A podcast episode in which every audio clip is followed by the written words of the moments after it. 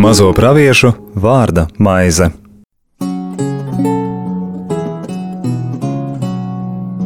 Slavēts Jēzus Kristus. mūžīgi mūžos slavēts.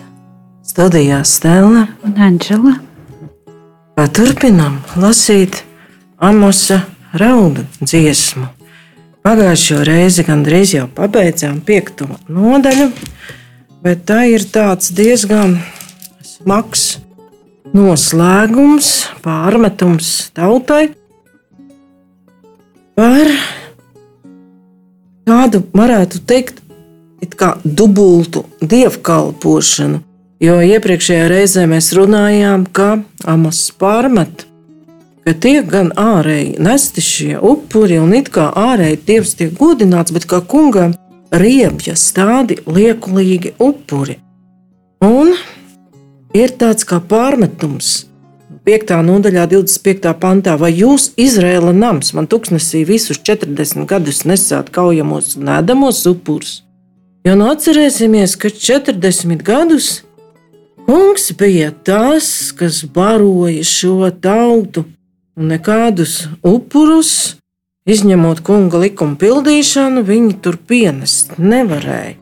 Bet viņi dzīvoja tiešā atkarībā no dieva, saņemot no viņa visu nepieciešamo. Un 26. un 27. pants īsā tekstā izsaka pārmetumu, un kādas ir sekas tai darbībai, kuru dievs pārmet izredzētajai tautai. Tādēļ es jūs aizvedīšu tālu viņpus Damaskas, sacīt tas kungs. Dievs cebots ir viņa vārds, un tur ir norādījums jau uz šo asīriešu iebrukumu un aizvešanu trimdā. Bet 26. pants. Jūs nesājiet gan apkārt cikutu jūsu ķēniņu un kilnu, jūsu pašu iedomu tēlu jūsu dievu zvaigzni, kuru jūs paši sev bijāt darinājuši. Tātad pārmetums šai tautai, ka viņi paši sevi ir kādu ērtu dievu ierīkojuši. Un varam atcerēties, kā tur bija izceļošanas grāmatā ar to zelta teliņu. Kad Mozus ir augšā un runā kalnā ar vienīgo dievu un saņem likumu, nu, viņiem tas gaidīšanas laiks ir tāds stipri ilgs, Jo atcerēsimies, ka līdz pat mūsdienām, kad mēs uzkāpjam lūkšanas kalnā, Dievs var ilgi neatbildēt. Dažkārt cilvēks lūdz dienas, mēneši, gadi, nekas nenotiek, un tad viņam rodas šī tieksme visu risināt pa savam. Bet atkal vecā labā tulkojuma problēma, ko mēs ar dažkārt te pieminam, un kā es neatceros, varbūt jau esmu pat ieteikusi, ka labāk ir, kas prot krievu valodu, Bībeles Briseles tulkojums krievu valodā, kurš ir precīzāks. Un šeit pat būtiski atšķirās teksts.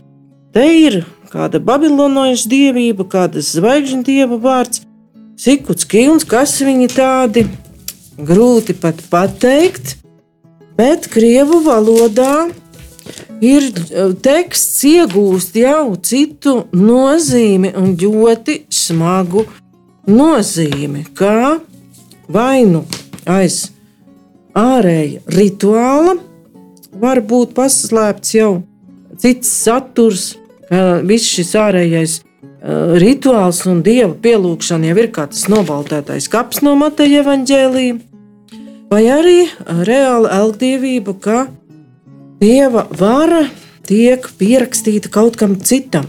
Krievu valodā mēs lasām, kad ar ko tad viņi tur nesājās apkārt.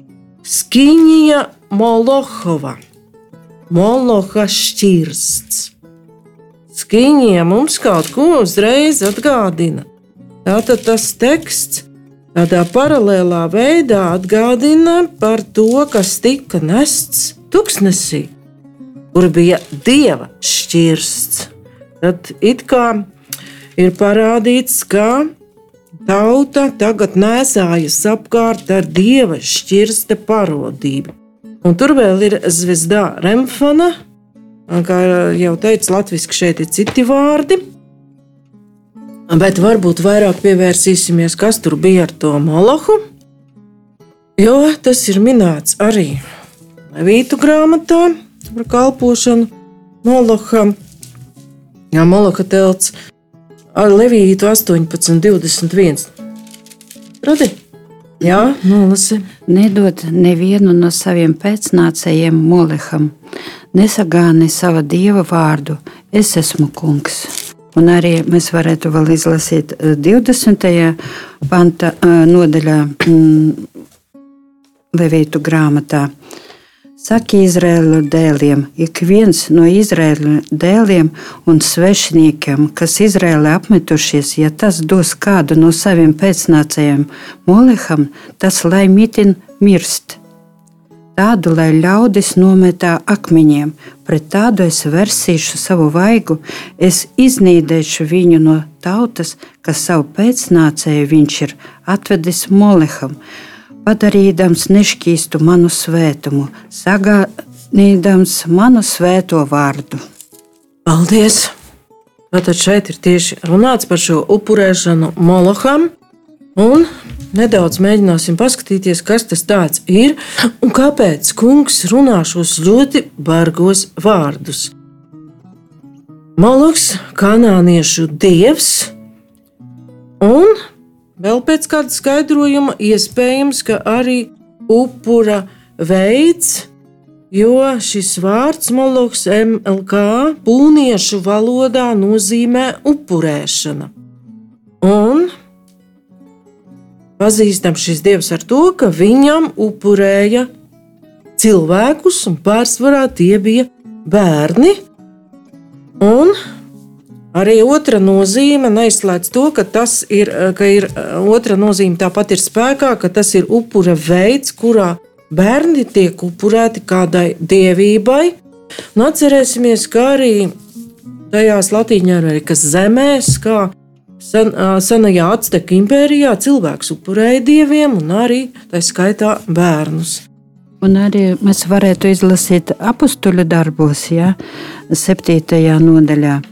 Jūs esat pieņēmuši moleha telti un sava dieva raifana zvaigzni, elku tēlus, ko jūs esat darinājuši, lai tos pielūgtu, un tādēļ es jūs izraidīšu viņpus bābeles. Paldies! Un tas ir apakstuļu darbi.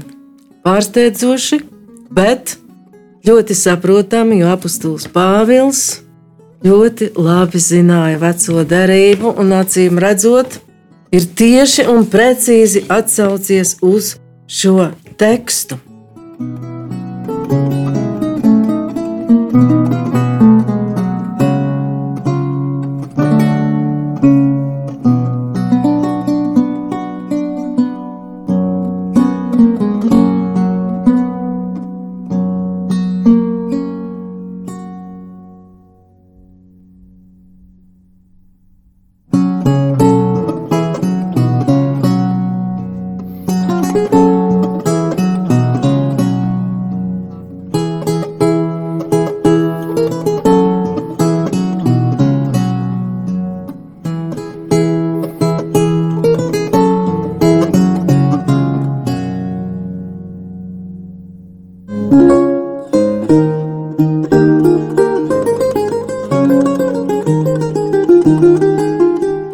Studijā Stela un Anģela.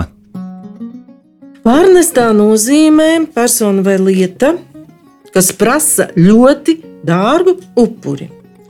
Un cilvēku upuri bija raksturīgi feniķiešiem, un ir šādi atradumi senās pilsētas Kartāgas vietā, e, tā sauktais Salambo Tophets, kur atrast ir ļoti daudz bērnu mirstīgās atliekas kopā ar jēru un citu upurētu dzīvnieku mirstīgajām atliekām. Tas ir Dienvidu Āfrikā. Tā tad ir pat arheoloģiski pierādījumi, ka šāds notikums ir, šāda praksa ir, šādi notikumi ir bijuši un šāda praksa ir piekopta. Pat labi šī vieta atrodas mūsdienu Tunisijā. Un liekas, kāds tad ir sakars šādiem elgdevības veidiem pat ar mūsdienām. Un tiešā veidā nevienu nost vairs kā nenogalina. Bet, ja tas ir kāds liels tāds up, pasākums, kas prasa ļoti dārgu upuri, vai tik ļoti pierastā situācija, ka vecāki dažkārt caur saviem bērniem grib īstenot savas ieceres, nav ļoti tuvu tam. Bērns, viņa spējas un talanti netiek respektēti, bet pakļauti vecāku dažkārt ļoti labajiem nodomiem par to, kā bērnam jau jādzīvo, jāattīstās un jādara gods saviem vecākiem un arī sev. Vēl mēs to varam arī saprast, kā tādu parādību, ka ārējais rituāls vai kā dzīvesveids tiek nostādīts augstāk par pašu kungu, ko mēs nereti redzam arī baznīcā, ka tā pati bezlaulības dzīve, vai klosteru dzīve, vai celibāte tiek novērtēts augstāk par pašu dievu, un cik ļoti augstu šis dzīvesveids ir pāri dieva gribai, jo Pēc visiem priekšrakstiem dievam ir jālasa katehisms un jāklausās tam, ko cilvēki ir izdomājuši. Mēs redzējām, kāda pretestība bija pret pāvestu Francisku, kad Amazonas sinodas laikā viņš vēlējās atgriezties pie pirmkristīgās prakses, kad dievam varēja kalpot arī redzēt vīrieši. Tas tāds īsts piemērs, tātad ar to jābūt ļoti piesardzīgam, vai kāds ārējs veids, dzīvesveids, vai arī skaists misijas svinēšanas veids, kā tridentes mise, vai šis rituāls un ārējais veids neaiziet priekšā pašai baznīcas būtībai un pašam kungam. Un arī mūsu dzīvē, laikam, ļoti daudz elku. Jā, jo var būt tā, ka arī mēs sākam kā uz Dievu paļauties paši uz savu sociālo statusu, varbūt uz savu labi iekārtoto darbu, uz to stabilitāti un nodrošinātību, kas mums jau ir. Un pat rodas šī doma, nu, kad vai Dievs tur kaut ko var mainīt. Un patreiz mēs no tā visa esam izvesti tuksnesī. Mēs nezinām, kas rīt būs ar mūsu darbu, ar mūsu veselību, ar visu mūsu tālāko dzīvi. Un daudzi jau šodien tas notika jau, ka daudzi jau zaudē darbus. Ja? Jā, un tad atliek tikai viens ceļš, ja cilvēks to zina, saukt uz kungu un paļauties uz viņa apredzību. Bet šodien mēs jau iesim tālāk uz Amos grāmatas sesto nodaļu. Šeit Amos lieto īstu tādu raudu dziesmas izteiksmi, tādu izsaukumu, kas ir redzams svētajos rakstos lielu briesmu brīžos. Bēdas jums, lepnajiem ciānā, trešā pantā atkal bēdas tiem, kas domā. Un redzam, ka nodaļa jau iesākas ar uzrunu šiem lepnajiem ciānā. Un atkal tulkojums Krievu valodā ir savādāk. Te ir lepnie. Un kā čigāni saka, ja viņi cilvēkam novēl ļoti lielu nelaimi, kad tu lepns palikt. Jo nu lepns cilvēks ļoti paļaujas uz sevi, saviem sasniegumiem. Krievu valodā bezpečnie. Bezpečnie. Nerūp, bezrūpīgie. Tātad tādi e, bezrūpīgi cilvēki, kuri acīm redzot ļoti droši jūtas par sevi. Bet arī šeit varētu um, atkal izlasīt Jēkaba vēstuli, jā, piektajā nodaļu, piekto pantu. Uz zemes jūs esat dzīvojuši pārpilnībā un līgsmībā. Jūs esat barojuši savas sirds kaujamajai dienai. Jūs notiesājāt un nogalinājāt taisno. Viņš jums neprie, nepretojās. Paldies! Ja mēs jau daudz atkārtojam Jēkabā vēstuli, bet atkārtošana ir zināšana māte, un te tieši runa ir par to Vēda slepnajiem cijānā, kas paļaujas uz Samarijas kalnu. Nu, kalns, tad kaut kas, uz ko paļauties, un kalnā, un atceramies, Sinai kalnā tika dots likums. Tātad šie cilvēki ir izveidojuši savu likumu, uz kur paļaujas.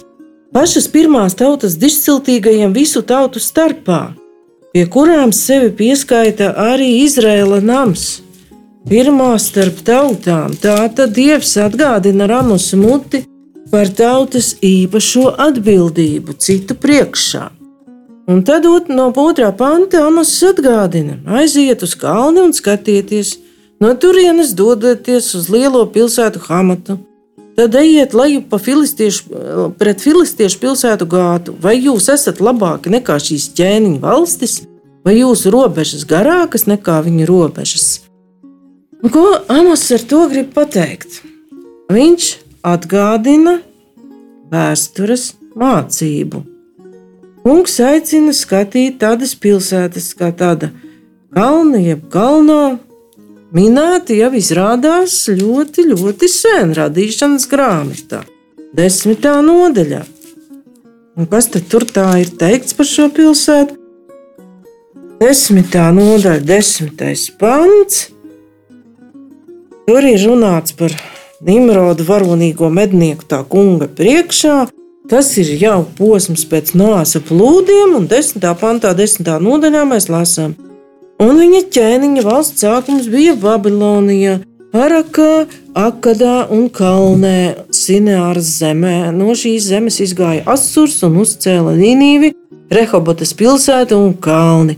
Arī Resens starp Nīnivi un Kalni šī ir tā lielā pilsēta.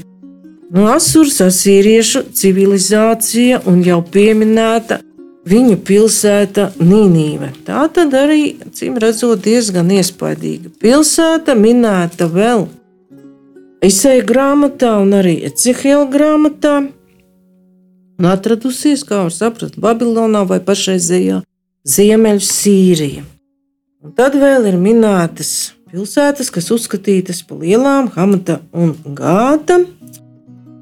Un var saprast, ka te ir norāde, Amos dažos teikumos norāda uz vēsturiskiem notikumiem, uz Asīrijas ķēniņa Salmanasara trešā kara gājienu, kas notika 854. līdz 846. gads pirms mūsu ēras, kad asīrieši iekaroja gan to kalnu, gan Hamatu. Un gada arī jau iepriekš tika minēta Filistiešu pilsēta, arī tika iekarota. To sagrāva Hazels, sīriešu ķēniņš. Vēlāk viņa ir minēta, to iekaro jūdu ķēniņš Osija, Simenēta minēts otrā ķēniņa grāmatā, 12. nodaļa, 18 līdz 19. Arī varbūt jau ir. Tā, otrā ķēniņa grāmata, 12, 18 līdz 19. Toreiz Aramas ķēniņš Hazēls devās uzbrukumā un karoja pret gātu. Viņš to ieņēma. Kad Hazēls pagrieza savu vaigu, lai dotos augšā uz Jeruzalemi, tad Jūdas ķēniņš Jos ņēma visas svētnīcas dāvanas, kuras viņa tēvi, Jūdas ķēniņi, Jošafats, Jorāms un Ahasja bija atnesuši un novēlējuši dievam. Un arī tās dāvanas, kuras viņš pats bija devis, un visu zeltu, kas bija tā kunga namā, un ķēniņa pils dārgumu krātuvēs, un to visu viņš nosūtīja Aramas ķēniņam Hazēlam. Tad tas aizgāja projām no Jeruzalemes. Un te varam piezīmēt, ka arī visu šo valdnieku vārdi dažādos tulkojumos ir dažādas transkripcijas, un tāpēc varbūt, ka lasot, mēs arī izrunājam dažādi. No nu, ar to Amos pasaka, ka tie, kas Jerabjāma otrā laikā dzīvo ļoti labi un paļaujas arī uz savu militāro spēku, ja tālāk mēs redzēsim, pētot amus grāmatu, ka Ierabjams otrais arī diezgan kārtīgs iekarotais bijis. Ka viņi nav labāki par šīm pilsētām, kuras tika iekarotas. Arī šeit mēs varētu iz, izlasīt no Lūkas evanģēlija. Bet vai no sestās nodaļas, bet vai jums, bagātajiem, kas savu iepriecinājumu jau esat saņēmuši, vai jums, kas tagad paiduši, jo jūs salksiet, vai jums, kas tagad smejaties, jo jūs sērosiet un raudāsiet?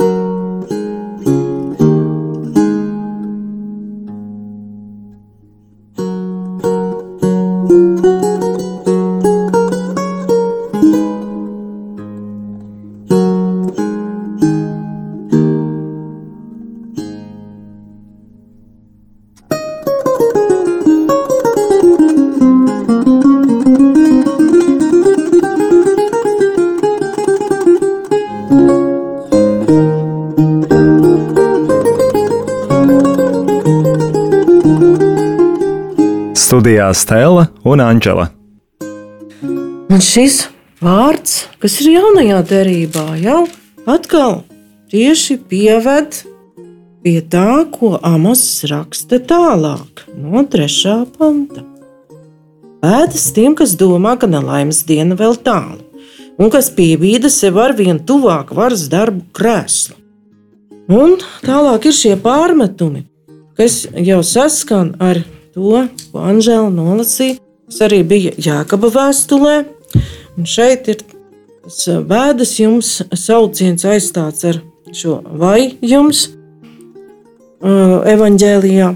Kā bēdas tiem, vai jums tas viss ir tā, tas godības apraudāšana un brīdinājums par ļoti grūtiem laikiem.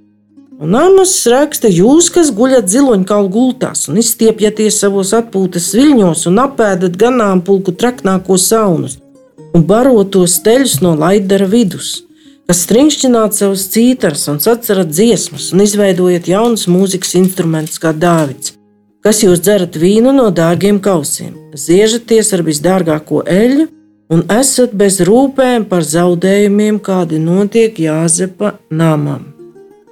Tad šādi bargi vārdi tiem cilvēkiem, kas dzīvo ļoti lielā labklājībā. Un šeit arī var, var, varētu papildināt vēl no Lūkas evaņģēliem, no 16. nodaļas. Tas saka, līdzi tas bagātais vīrs un lācers.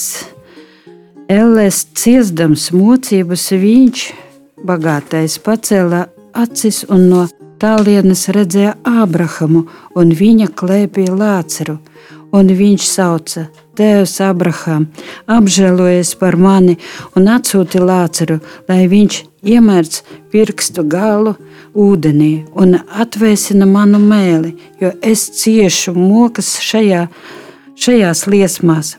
Bet Abrahams sacīja: Dēls! Atceries, ka tu visu labo saņēmi savā dzīvē, tāpat kā Lācis visu slikto. Tagad viņš šeit gūst iepriecinājumu, bet tu ciet mokas.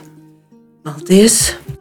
Ja mēs atceramies iepriekš šo līdzību, ka vai tā bagātnieka lielākais posts bija tas, ka viņš bija bagāts? Nebūtu nē. Tas nabaks gulēja pie viņa durvīm, Un tur, ja, cik es atceros, un suņi viņa laizīja, viņa vātis tikai suņi laizīja.